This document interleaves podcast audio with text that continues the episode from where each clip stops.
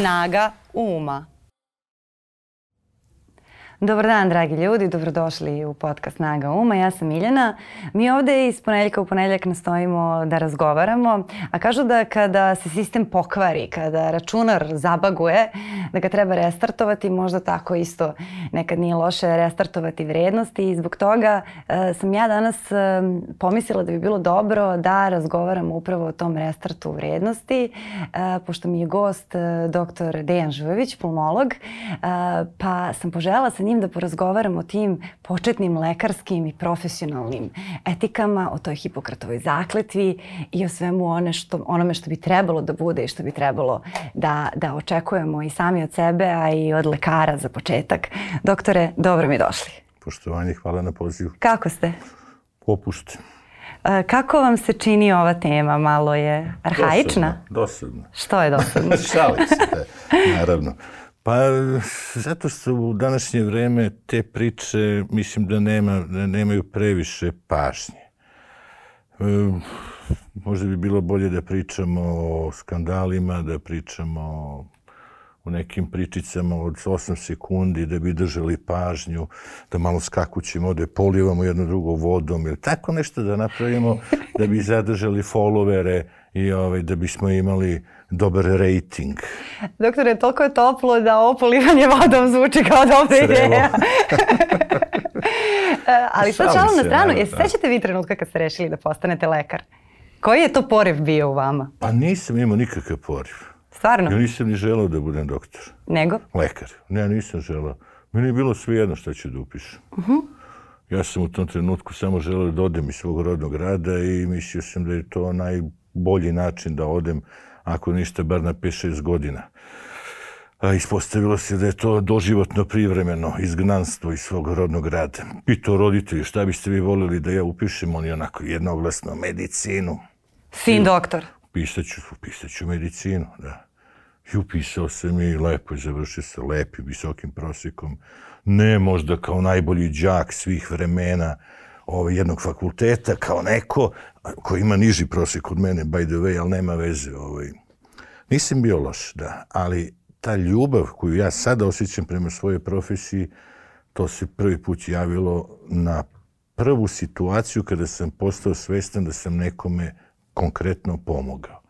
I da taj čovjek dođe u ordinaciju i kaže mi, doktore, hvala vam, mnogo mi je bolje.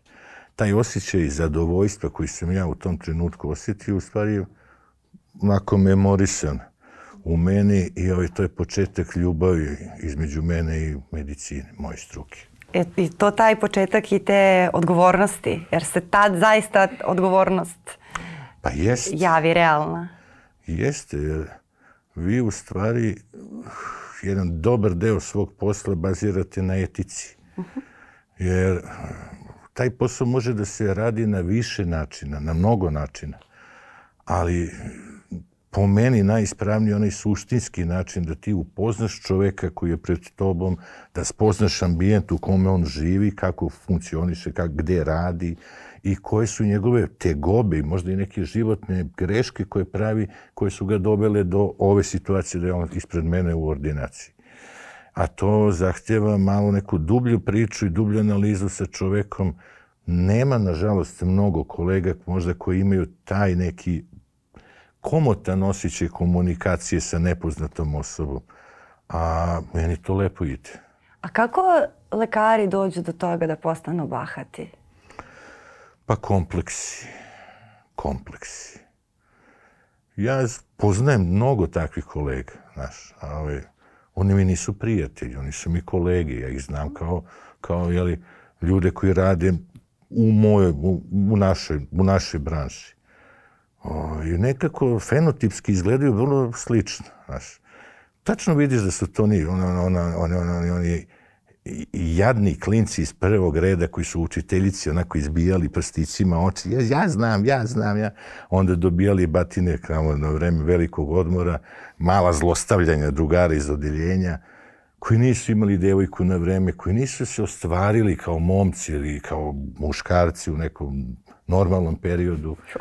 I onda ovaj, dođe u situaciju da budu gospodari neke situacije. Pa mislim da se ne lažemo, mi takvu situaciju imamo na državnom nivou. Ja, to ima na svim nivoima, to pa ima u svakoj kancelariji, a tek u državi. Od globalnog jednog da. simptoma i nas bolesnika koji trpimo taj simptom, ovaj, pa to je onda sužava, sužava, sužavaš do jednog mikrosredine, a ta mikrosredina nekad bude tvoj ulaz gde ti neki upravnik, opet drugar od velikog simptoma, tu radi nešto, izlostavljate, pa onda imaš u ordinaciji nekog lekara koji te zlostavlja na neki način, ili ne radi svoj posao na adekvatan način, do neke šalterske službenice u opštini, do nekog policajca na ulici, koji misli da si ti, ja ne znam šta, i onda se tako i ponaša prema tebi bahato i bezobrazno u startu, bez ikakvog poštovanja. A ti kada nemaš poštovanje prema drugom ljudskom biću, ne možeš i ne smiješ ni da očekuješ poštovanje od tog bića. Da, i tu se čovjek tako pogubi i, i ti ljudi, vidi se da, mislim, ja, ja makar nisam nikad videla nekoga ko tako radi i živi bilo koju profesiju, ne samo lekarsku, a da deluje kao srećna i mirna, zadovoljno. Znate oni ljudi što sijaju? Nikad, nikad ti ne sijaju. pa zato što ta, ta, taj sjaj ne ide s polja, taj sjaj ide iznutra. Ako ti unutra u sebi nisi zadovoljan sobom, a nisi zadovoljan sobom zato što se ponašaš na taj način, jer to, to je odlika nesigurnih ljudi. Agresija je odlika slabosti. Agresija nije odlika i, i, i snage nečije, nego slabosti, straha nekog unutrašnjeg osobe koja to kompenzuje onda galamom, vikom, bahatim, agresivnim ponašanjem. I kada vidiš takvu osobu, ti vidiš u stvari jedan nesklad koji u njoj funkciju, ono, postoji. Baš, baš, ja. A, a šta, to mi je uvek bilo u stvari čudno i uvek sam se pitala. A, jer znam koliko ima dobrih lekara u Srbiji. Mi imamo mnogo tih fantastičnih pojedinaca, kao i u svim. Nama su sistemi sami po sebi pogrešni, ali pojedinci kad su dobri, oni su baš dobri, uprko svemu. Sad me zanima uh, zbog čega se ne događa dovoljno da se ti pojedinci koji svoj posao rade časno ne udruže uh, i ne, da ne pro, što ne progovore protiv tih uh, uh, babica koje vrše akušarsko fizičko nasilje, protiv tih ljudi za koje otvoreno znamo da traže kovertu da bi uradili operaciju. Što je to? To se stalno kao govori da lekari jedni drugi čuvaju. Što čuvaju? Zašto jedan lekar e, koji neće da pravi razliku između pacijenta koji e, ima novac ili je na nekoj funkciji i nekoga ko e, ovaj, jedva sastavlja kraj sa krajem. Zbog čega to trpi? Zbog čega trpi tu uvredu na integritet, na, na profesiju?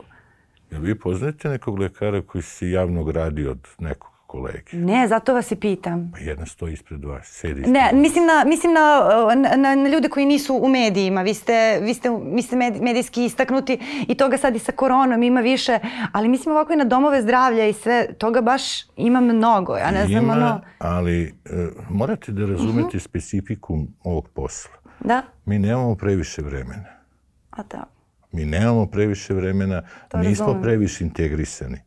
Imate situaciju da recimo ljudi koji rade u mojoj kući ne poznaju ljudi iz gradske bolnice koji se nalazi bukvalno samo preko puta. Ne poznaju nikoga. I kada im treba bilo kakva usluga, onda dolaze kod mene i mole da li poznajem nekoga ovde, ondje, ne znam ja šta. To razumem. A imali su 30 godina, pa puta 365 dana prilika da u ovakvu uniformi izađe, pređi preko ulice, predstavi se kolegama i kaže, ok, ljudi, samo da vidim gde radite i šta radite, da se upoznam. Ja sam pulmolog ovde, vi ste pulmolozi ovde ili vi ste kardiolozi, ajte da se upoznam. Nikad niko. I sad kako onda mislite da se povežu neke persone koje za sebe misle da su, da su ispravne? To je jedno od, Jeste, mislim, ja jedno sam... od razloga. Drugi je onako jedna sujeta koja postoji među nama i u nama, prokleta, da, da, da je to ne, na granici neobjašnjivog. I ta surenjivost, da, da se stalno moramo da se premerimo, da vidimo ko je jači, ko je veći, ko je bolji. A opet to je odraz slabosti. I onda ti neko uporno nameće to da je mnogo važan. Jeste. Pa ja ga ne percipiram kao mnogo važnog uopšte, ni u svom životu, ni u struci, ni u poslu kojim se bavim, niti u nauci koju, koju praktikujem. Ne vidim ga uopšte, ne, ne, ne, nema ga u mom koordinatnom sistemu. A on se mučenik baš trudi da mi se nametne kao alfa mužjak. E, i Dobro, to ima, to ima i među razloga. lekarkama, to nije, Ma, nije, nije ove rezervisano samo poslu, za naravno. muške ali, lekare, ta vrsta sujeta. Ima drugih razloga zašto se to ne dešava. Ali nikada nisam gledao takve neke persone koji su na, na taj način funkcionišu kao svoje kolege. Najiskrenije, nikad ih tako nisam gledao. Jer doktora ne čini to samo da obuče beli mantil, podigne kragnu, stavi stetoskop oko vrata i napravi svoje usne da su to jedan prorez ovako bez usana. Gleda u računar i kucka i ne pogleda čoveka koji mu je došao na pregled. Ne de Bože da ga pipne. To bi već bilo wow. E, to nisu moje kolege. A da li mislite da, mi sada živimo u vremenu koji ima mnogo, da kažem, problematičnih vrednosti, talasa i tako dalje, ali se e, upravo i zbog tih društvenih mreža i zbog činjenice da svi imaju glas, što ima i svoje dobre i loše strane, jedna od tih dobrih strana jeste to e, što ljudi sve više govore i o tome šta sve doživljavaju kod lekara, a ne bi trebalo. Da li mislite da, da je, je prvi korak e, taj da lekari stanu uz svoje pacijente da, ured, da slede vaš primer, da kažu ne, ovo nisu moje kolege ili bi to dovelo do nekog haosa sada da se i lekarska Vidite, profesija podeli i u, u samom koji mediji? Vi napravili pogrešnu postavku uh -huh. stvari. Jedan zdravstveni sistem dobrim ne čini skupe dobrih pojedinaca. Dobro.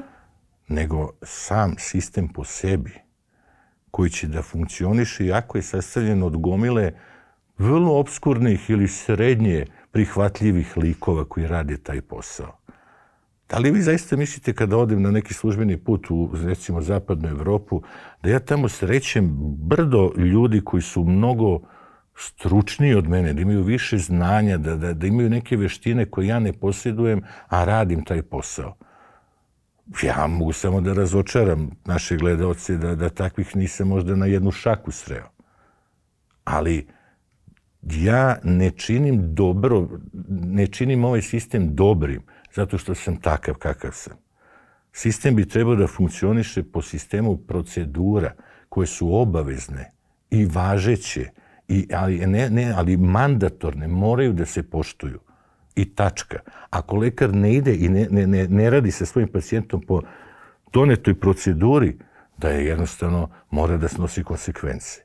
E, zašto se takve procedure ne donose u, naš, u našem sistemu? Procedura lečenja banbolničke pneumonije, procedura lečenja ili šema lečenja ili kako god hoćete, ovaj, vodič za lečenje, vodič za lečenje asme, vodič za lečenje hronične osutine, za karcinoma pluća, gdje ga šalješ, kako ga šalješ, koja diagnostika je obavezna, kojim redom je radiš. Ako ne radi tako da pacijent može da uloži tužbu kući u kojoj se leči i da naravno dobije materijalnu satisfakciju za nepravilno ili nesavjesno lečenje. Ali dok god to ne postoji, yes, vi jednostavno nemate zašto da se uhvatite ako se kao pacijent žalite. Jer se to onda sve svodi na jednu ličnu percepciju. Pogledao me, imao je grublji ton, ali to je nešto što je nedokazivo na sudu. Jako teško dokazivo ali je jako lako dokazivo kada vi uzmete stručnu, liter, stručnu dokumentaciju i pogledate lepo da li je lekar išao sa vašim lečenjem po pro, utvrđenoj proceduri. Mi sad imamo neko akreditacijono tijelo u državi. Uh -huh. Imamo neke donete procedure. I ovaj, vi dobijate akreditaciju kao ustanova, ali to su akreditacije za proceduru pranja ruku za proceduru, ne znam, za, za, za, za najgore moguće banalnosti. Ne postoje ovo što sam vam rekao, stručne procedure ili vodiči ili savjeti ili ne znam, guidelines i kako se jedna stvar do, doteruje do kraja. Da to kupujemo podmetače, nemamo kuću. Pa, to je na tom nivou, da. Kao što svaki siromah radi. I, mislim, to je tako. Ta, taj je fenomen e, odštete jako zanimljiv u zdravstvu i baš sad i u svetlu ovoga kušarskog nasilja, to se kod nas ne dešava. Sada razmišljam, ne znam, ukoliko bi sutra neki tabloid napisao nešto netačno o meni, ja njih mogu da tužim i na račun, na primjer, duševno, duševnog bola, zbog tog njihovog neetičkog, ne znam, izveštavanja ili čega god, e, ja mogu da dobijem odštetu. E, isto važi i za vas ako ja kažem nešto za vas što nije tačno. Vi mene tužite i dobijete odštetu. A sad ako mi babica koja me porađa kaže da Bog da se ugušila, uh, ako me iskasapi, znači to je malo veći duševni bol nego ovaj tabloid. To je to je povreda. fizički bol ozbiljan koji možda ima i trajne posledice na moje zdravlje, trajne posledice, nikim ništa. Na kvalitet Ja ću dobiti, života. dobit ću možda neki prostor u medijima i tako dalje. Niko se neće oglasiti, niko neće preuzeti odgovornost. Mislim, neko tu treba, ako je, kad je već fizička povreda, m, mislim, možda tu neko treba i krivično da odgovara. Ja nisam pravnica, ali logično bi bilo. Da mi sečete na ulici, odgovarali biste. A ovako kada to radite iz pozicije lekara, valjda je odgovornost veća, Pa, valjda je kazna veća. to, postoji odgovornost, Mhm. ali je mnogo teža i dugotrajnije doći do neke sudske satisfakcije. Da. Vi tu morate da se pozovete na instituciju sudskih veštaka, morate imati uvid u dokumentaciju koja vrlo često se naknadno popunjava, dopunjava i menja, vrlo često, nažalost, zato što 90%, 99% stvari dalje popunjavate rukom, ne kompjuterski, da je to više postaje nepromenjiv dokument kada je popunjen. Vi sad praktično imate 24 sata u našem zdravstvenom sistemu mogućnosti da izmenite kompletan nalaz. Vi ste došli na pregled kod doktora opšte prakse, on je ukucao neki izveštaj, dao vam ga ili vam nije dao, nešto se desilo, on ima mogućnosti da u roku od 24 sata od tog trenutka kad je prvi izveštaj sastavio, da promeni taj izveštaj. Molim? Da, naravno. Šta to znači? postoji. To, to znači u suštini meni on može da... To može šta hoće. Ako tako tumačite, da, da. to je baš ozbiljno. Pa ne znam, ja sam samo mali šaraf u sistemu. E sad i tu dolazimo do ove teme koje ste vi rekli da, da, vam, je, da vam je dosadna i tog reseta e, i, i do te Hipokratove zakletve. E, ja mislim da ljudima, e, nama običnim smrtnicima koji nismo lekari, e, to i dalje nešto znači. I da mi i dalje kada e, čujemo neku vest e, ili naiđemo na neko nedopustivo ponašanje lekara, pomislimo na tu zakletvu i da, da ona i dalje... Da, i često se sreći u komentarima. Da, da je to i dalje neki, neki simbol. Ovaj, pa me zanima, uh, ima li šanse da se to resetuje? Da li treba da je pročitamo možda? Da podsjetimo ljude na, na to Pa možete, šta ona to znači? nije problem. Ja sam vam doneo i originalnu i modernizovanu verziju. Ja ovdje da imam ovu e, ženevsku. Da li gle- gledaoci znaju da ovaj... Hoćete vi da si pročitate? Ja, pa bez naučara to je mission impossible. Ne, ne vidim, žao Hoćete onda ja da pročitam? Naravno, evo, to je, to je od ove. Znači, to je da ženevsko 46. izmijenjena verzija, modernizovana verzija. La, lakše mi je da čitam okej, odavde, okej, pošto smo mi... Ajde tamo da... Ove, Kratka je, nećemo nikoga da davimo sa tim. Svečano obećavam da ću svoj život posvetiti službi čovečanstva. Odajem poštovanje i zahvalnost mojim učiteljima. Svoju struku obavljaću savesno i dostojanstveno. Zdravlje mog pacijenta će biti moja prva briga. Trudit ću se da znanjem i svim mogućim sredstvima koji su u mojoj moći očuvam čast i plemenite tradicije medicinske profesije. Moje kolege će biti moja braća. Neću dozvoliti da religija, nacionalnost, rasa, partija ili političke i društvene prilike utiču na moj rad i moje obaveze prema mojim pacijentima. Imaću maksimalno poštovanje prema ljudskom životu od vremena začeća. Čak ni pod pretnjom neću koristiti svoje medicinsko znanje suprotno zakonima humanosti. Svečano i svojevoljno se obavezujem pozivajući se na moju čast. Evo, ja sam se sad naježila. Baš si naivna.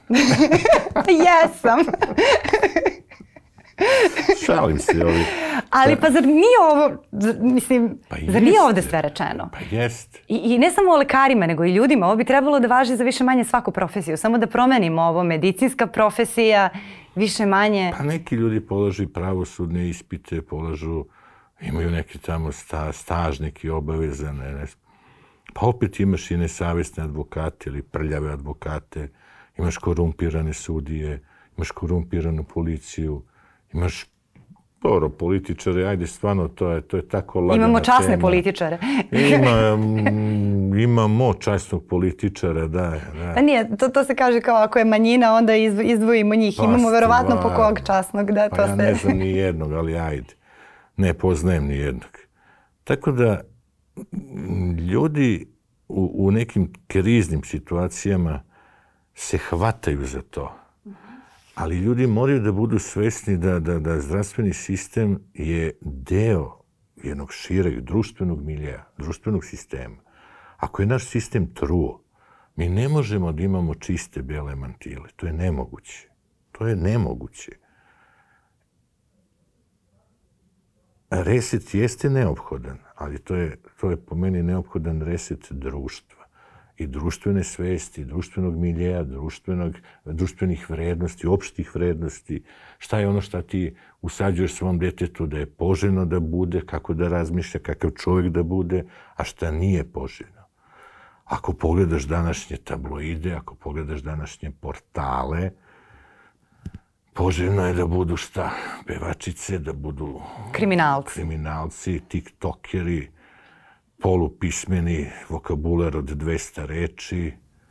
Analitičari. Analitičari, bravo. Ali poželjni analitičari. One koji ukucaš ekserom u fotelju i oni će da ti crkuću kako ubaciš dinar. Znaš, tako. Kao jukebox nekada, da. Tako da, to što se ružno dešava u mom poslu je samo odraz ružnoće oko nas. I to jednostavno ne može da bude, mi ne možemo da, da budemo izdvojena, izdvojeno telo u, u ovakvoj situaciji, to je nemoguće. Jer vrednosti koje povlačite, recimo ta doktorka, je možda te večeri gledala neki reality. Tog jutra je pustila Happy i jutarnji program gospodina Marića pa ona normalna ne može da dođe na posao. Ona gleda nasilje mentalno i fizičko od kad je otvorila oči. I ona će to da primeni na svom radnom mestu. Na prvi pogrešan pogled, na prvu povišenu reč ili na neku, na neku, jednu neku situaciju gde nema razumevanja dovoljno. Gde dođe do nesporazuma. Pa mislim, to je tako jednostavno. Jer smo i mi ljudi, i pored toga što smo to svečano izjavili, pre 30 godina u dekanatu medicinskog fakulteta. I ta žena isto možda ima problem oko plaćanja računa, možda ima problem oko izdržavanja svoje dece, možda ne može da da detetu nešto što mu je neophodno, a onda dođe neka gospođa u nercu i počinje da vam proziva ovaj, kreće sa Hipokratom, zašto ona čeka 15 minuta, Znate, ima tu mnogo situacija, to je sve što, to, toliko ima tih slojeva mogućih, to nije jedna jednostavna torta sa mnogo pudinga, da. jedan sloj samo pudinga, nego je to sloj, sloj, sloj, sloj. Ta priča je mnogo više slojna da bi se banalizovala samo na zle lekare i na naivne pacijente. Naravno, ma kako Kao što su lekari džubrad, da. tako su i pacijenti džubrad. Podjednako. Ništa bolje od nas nisu. I vrlo često imaš tu situaciju da je preko puta tebe jedno đubre od čoveka koje nema fizički problem, ali ima pola sata, sat slobodnog vremena i došao je da se pregleda. I onda pravi problem od kad uđe u zdravstvenu ustanovu na šalteru, zašto on mora da preda knjižicu i zašto on mora da bude upisan, kada on hoće samo da dođe kod mene.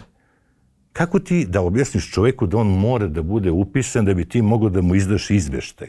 Da on mora da postoji u nekom, u nekom, u nekoj tabeli, da ga ti prozoveš, da otvoriš njegov fajl i da ga popunjavaš svojim izveštajem. I on pravi problem i pravi problem i pravi problem. I onda tri takva i četvrti kada dođe u pa nekom da, problemu možeš da... Žujević izlazi već... u 14H, ali se Žujević, Žujević je razvio vremenom jednu veštinu, reseta. E, to me zanima. Jednog ličnog to reseta. Me zanima na izlaznim vratima Žujović odradi reset u mozgu i Žujović nikad nije uneo svoj posao u kuću. Nikada. I nikada nije pričao o svom poslu u, svom, u svojoj kući. I nikada nije gnjavio svoju decu sa, ne znam, bakom koja ga je davila kao anakonda pola sata ili sat u ordinaciji, nije nikad kukao na to. Zato što je Žujović nju zaboravio. Zato što je ona nevažna za njegov privatan život.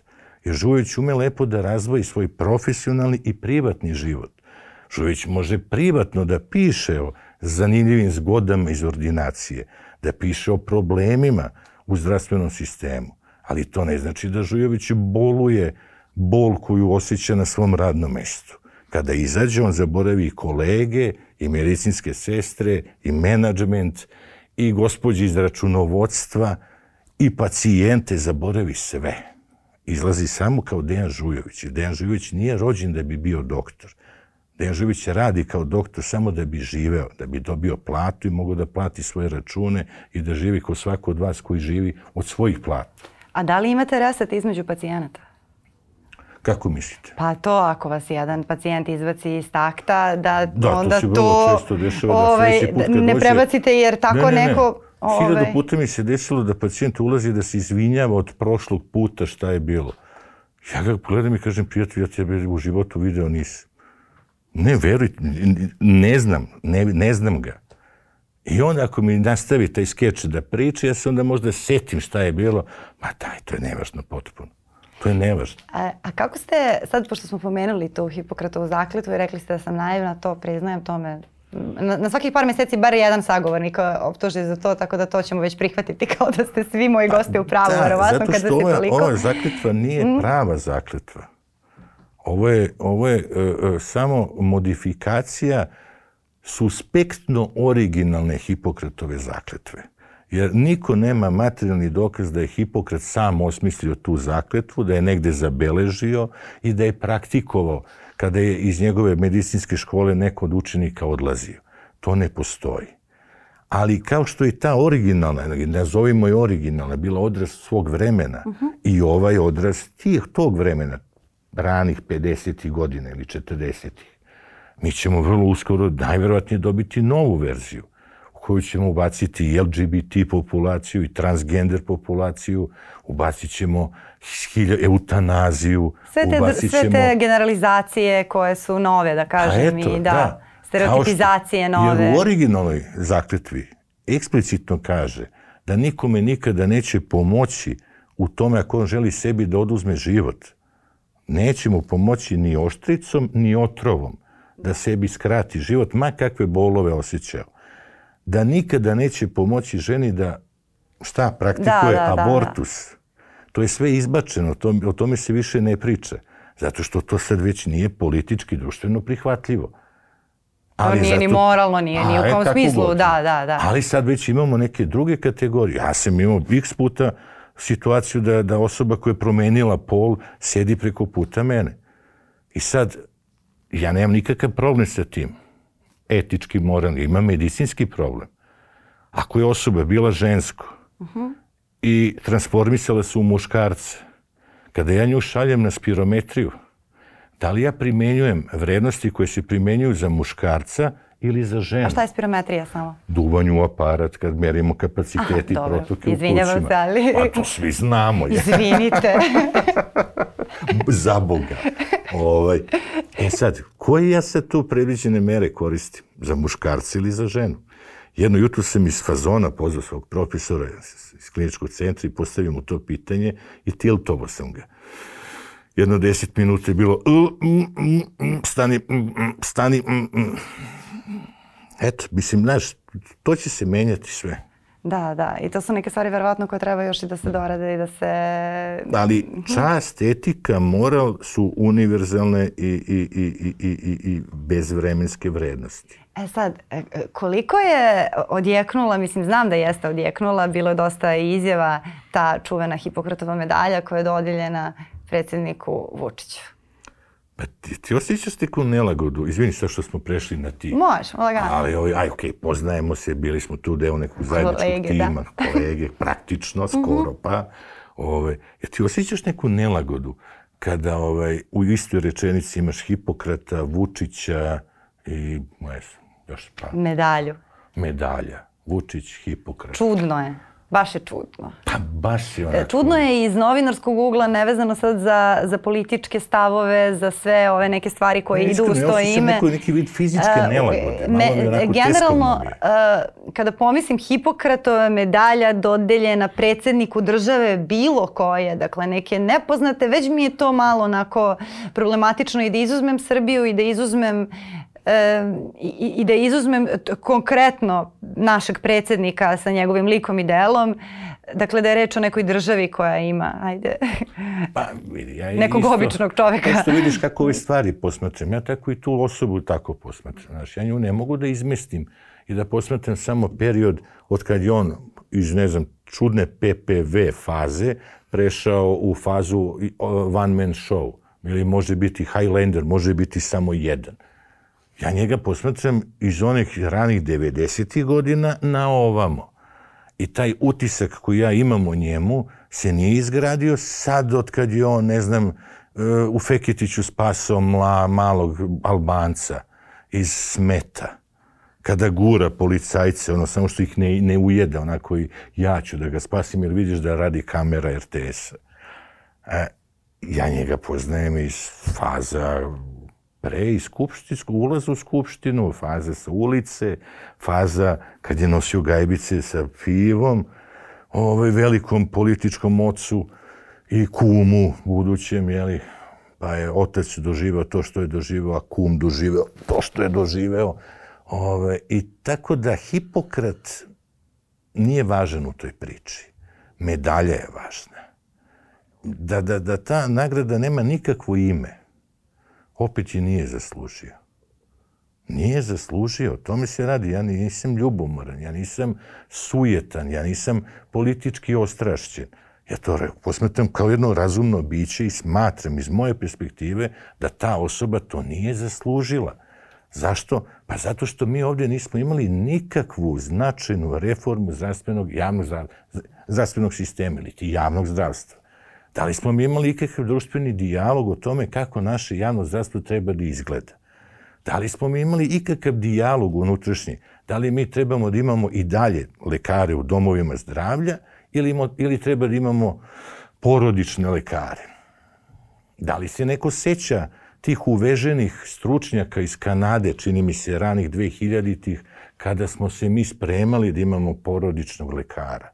I koliko smo novac uložili u takve projekte od kojih na kraju nije bilo naravno ništa. Evo sada doktorka Grujičić priča kako će to da realizuje. Pa ona hoće sigurno, da. Ona hoće. Svoju ambiciju će ona da realizuje. To nije sporno uopšte. Ja nisam ni na nju ljubomoran. Meni samo smeta što laže. Nemam ja problem sa njom nikakav. Neka ona se igra sa svojim gama nožem, neka bude najbolja, neka spase koliko hor, koliko može ljudskih života ali nemoj da laže. Nemoj da izlaze na onu emisiju Reč na reči da mi priča o 39.000 primljenih ljudi u, u, u zdravstveni sistem Srbije u proteklih godinu dana, u oči izbora, ajde kažem, od 3. aprila, znači u, u tom periodu, da je primljeno 38.000 ljudi. To je takva bezočna laž da je to strašno. Na koju se nadovezuje kolega iz ovaj, KBC-a Dragiše Mišović, pa još povećava cifru u istu emisiju u roku 7-8 minuta. Ne je malo 38, nego ćemo 41.000 da, da smo primili. Pa mi da smo primili taj svet, mi ne bi imali ni jednu listu zakazivanja bilo gde. Šta vi mislite, koliko države Srbije ima lekara opšte prakse? Sada baš razmišljam, ne, ne mogu da, ne mogu da... Evo daću, daću gledalcima 5 da sekundi da, da ošte pretpostave koliko lekara opšte medicine ima u zdravstvenom sistemu Republike Srbije. Pa recimo da jedan kao malo veći dom zdravlja ima bar 7-8. Ukupno ih imamo 3300. A šta mislite koliko imamo sveštenih lica, popova? Du, du, du, du. Šta mislite? Jel možete Tek da to ne mogu da znaju. Pa skoro ista cifra. Toliko isto. Se vratimo, to je baš Hipokrat. da. Zanimljivo, da. Da, da, da, to je baš e, zanimljivo. Sad, jer vi mislite da, ne znam, za... za, za, za pošto porođaj, pošto krštenje. Populaciju od 7 miliona ljudi, 3300 lekara opšte prakse dovoljno. Da li je to dovoljno i kolika je dostupnost tog lekara opšte medicine? Znate, kvalitet jednog zdravstvenog sistema se ne meri pohvalama predsjednika to je iste države čiji je taj zdravstveni sistem i njegovi tiradama o novim bolnicama. Kvalitet se ne meri samo brojem novih bolnica. Kvalitet se meri i time koliko vam je fizička udaljenost od vašeg stana gde živite do vašeg GP-a, do vašeg lekara opšte prakse. Ako je ona preko 4 km, vi nemate adekvatnu zdravstvenu zaštitu. I sad, zamislite vi meni danas dođe u posjetu gospođa koja živi u Boljevac, se tako zove, od prigradsko nasilje. Moguće. Lipovački ne, ne, šume, ne, pa desno ne znate gore. na, ko- na koje mislite. Ove. Moguće, da? E sad jedno selo još iza tamo. Dobro. Kako ona ima zdravstvenu zaštitu? Ona je, je ne može od, od svoje kuće da dođe do, pa onda autobusom do centra grada, da bi došla kod mene na pregled. Tebi je dva sata, dva i po sata da dođe do mene na pregled. Kako ona ima, kakav ona ima kvalitet zdravstvene zaštite? Da li njoj nešto znači zgrada u Batajnici? Ili novi klinički centar ovaj, u Nišu? Ili nova COVID bolnica u, u Kruševcu? Da li to njoj nešto znači? Da li to znači nešto čoveku koji živi, ne znam, na Goliji, koji nema ambulantu u kojoj može da se javi, on njemu je najbliža zdravstveni centar Pazar ili Kraljevo, da dođe do Kraljeva da bi bio pregledan. To su ljudi koji putuju onda satima. Ili ljudi koji žive u okolini, ne znam, Sjenice, moraju da idu u, u, u Užice na pregled zato što to pripada Užicu. Neki genij je to tako osmislio da ne Pazaru, nego Užicu. I onda tu tako prevencija dalje, i ne dalje. postoji. I koja prevencija? Onda, zato što... Vidite po količini novotkrivenih karcinoma kakva je nama prevencija. Da. Ovakva je. Ovakva je. Jeste. Mislim, to, to, to stoji, jer vi bi sva, trebalo jednom godišnje makar da odete na sve kontrole.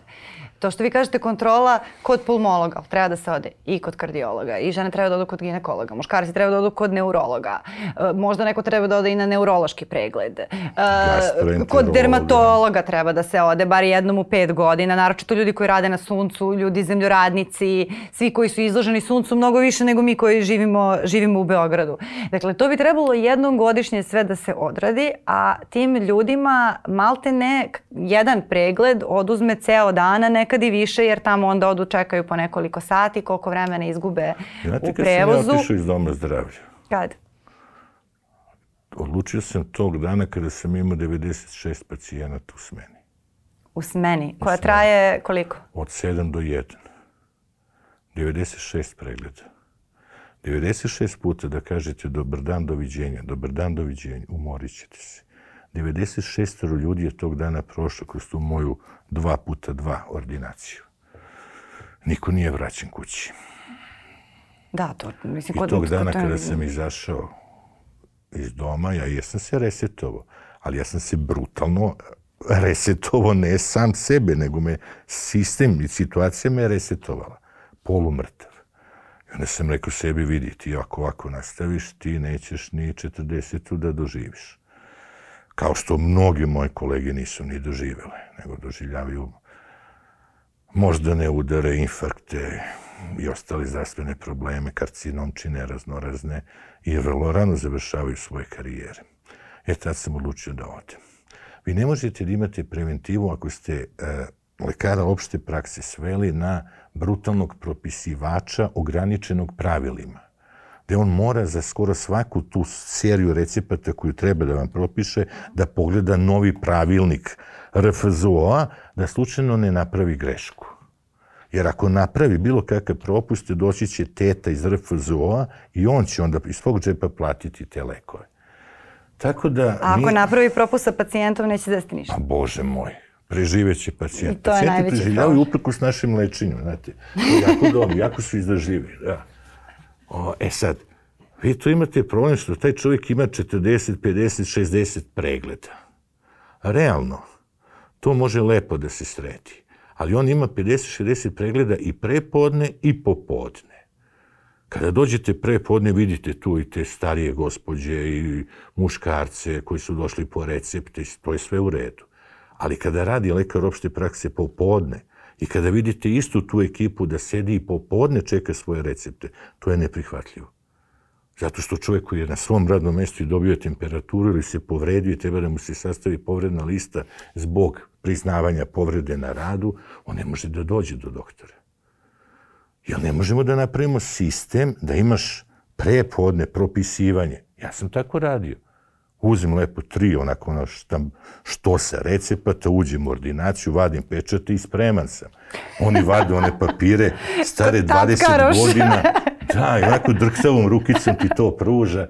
I baka od 90. I Bensedin, i Bensedin. Zašto Bensedin? Kakvu ti frku imaš majke ti? Stoji ti roba na carini, neće da ti je od carine. Imaš frku, ne znam ja šta, sa PDV-om, šta? Ma idi, radi nešto što svaka baka radi, čuvaj unuke, kuvaj, pričaj im priče. Nešto radi ko normalno ljudsko biće. Ne treba ti to, ženo, šta će ti to? Mislim, Bensedin, ama, da. Treba za unuka. Pa, verovatno, da skrcka lepo, da. Uglavnom, znači, može to da se organizuje i da bude lakše ili da bude više, pa tu ti ne treba, ne znam, stručno lice, to bi i sestra mogla da izdaje recepte. Mogli bi da pređemo na te trajne elektronske recepte. Zašto bi morali na četiri meseca da ih obnavljamo?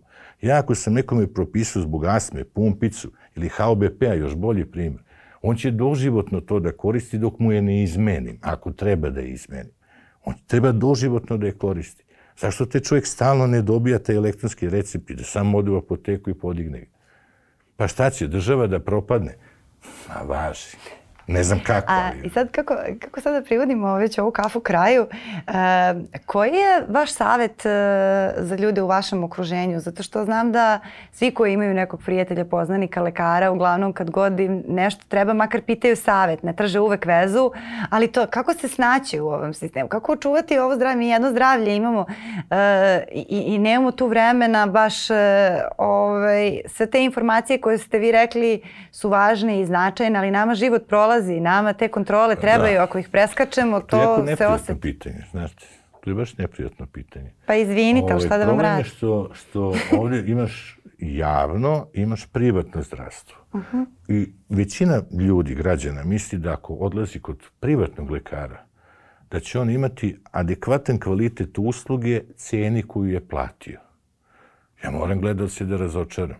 Nažalost, je najčešće to jedna teška disproporcija. Da niti će kvalitet da bude adekvatan, ne, ne, ne, ne cijeni koju je platio, nego ošte nečemu što se zove pregled. Jer sam hiljade i hiljade takvih situacija imao da mi ljudi donose dokumentaciju iz privatnih ordinacija, da je to stvarno neprihvatljivo. Neprihvatljivo. Ne može tako i ne, ne, ne, ne, ne, ne. A, ovaj, a kamo je to još i da plati toliko? Oni su svi ljubazni ali A, naravno. ovaj deo, ali mi od naravno. ljubaznosti e, ovaj. Svako od nas, znaš, mislim, ja kad sam bio mali, moj otac mi je stalno pričao, imaš u, mom, u njegovom postoju bilo 5% majstora i 95% vodonoša. I sine, nemoj, molim te, nikad da budeš vodonoša, trudi se da budeš majstor. E sad, ja mogu i u ovom trenutku da pričam na taj način.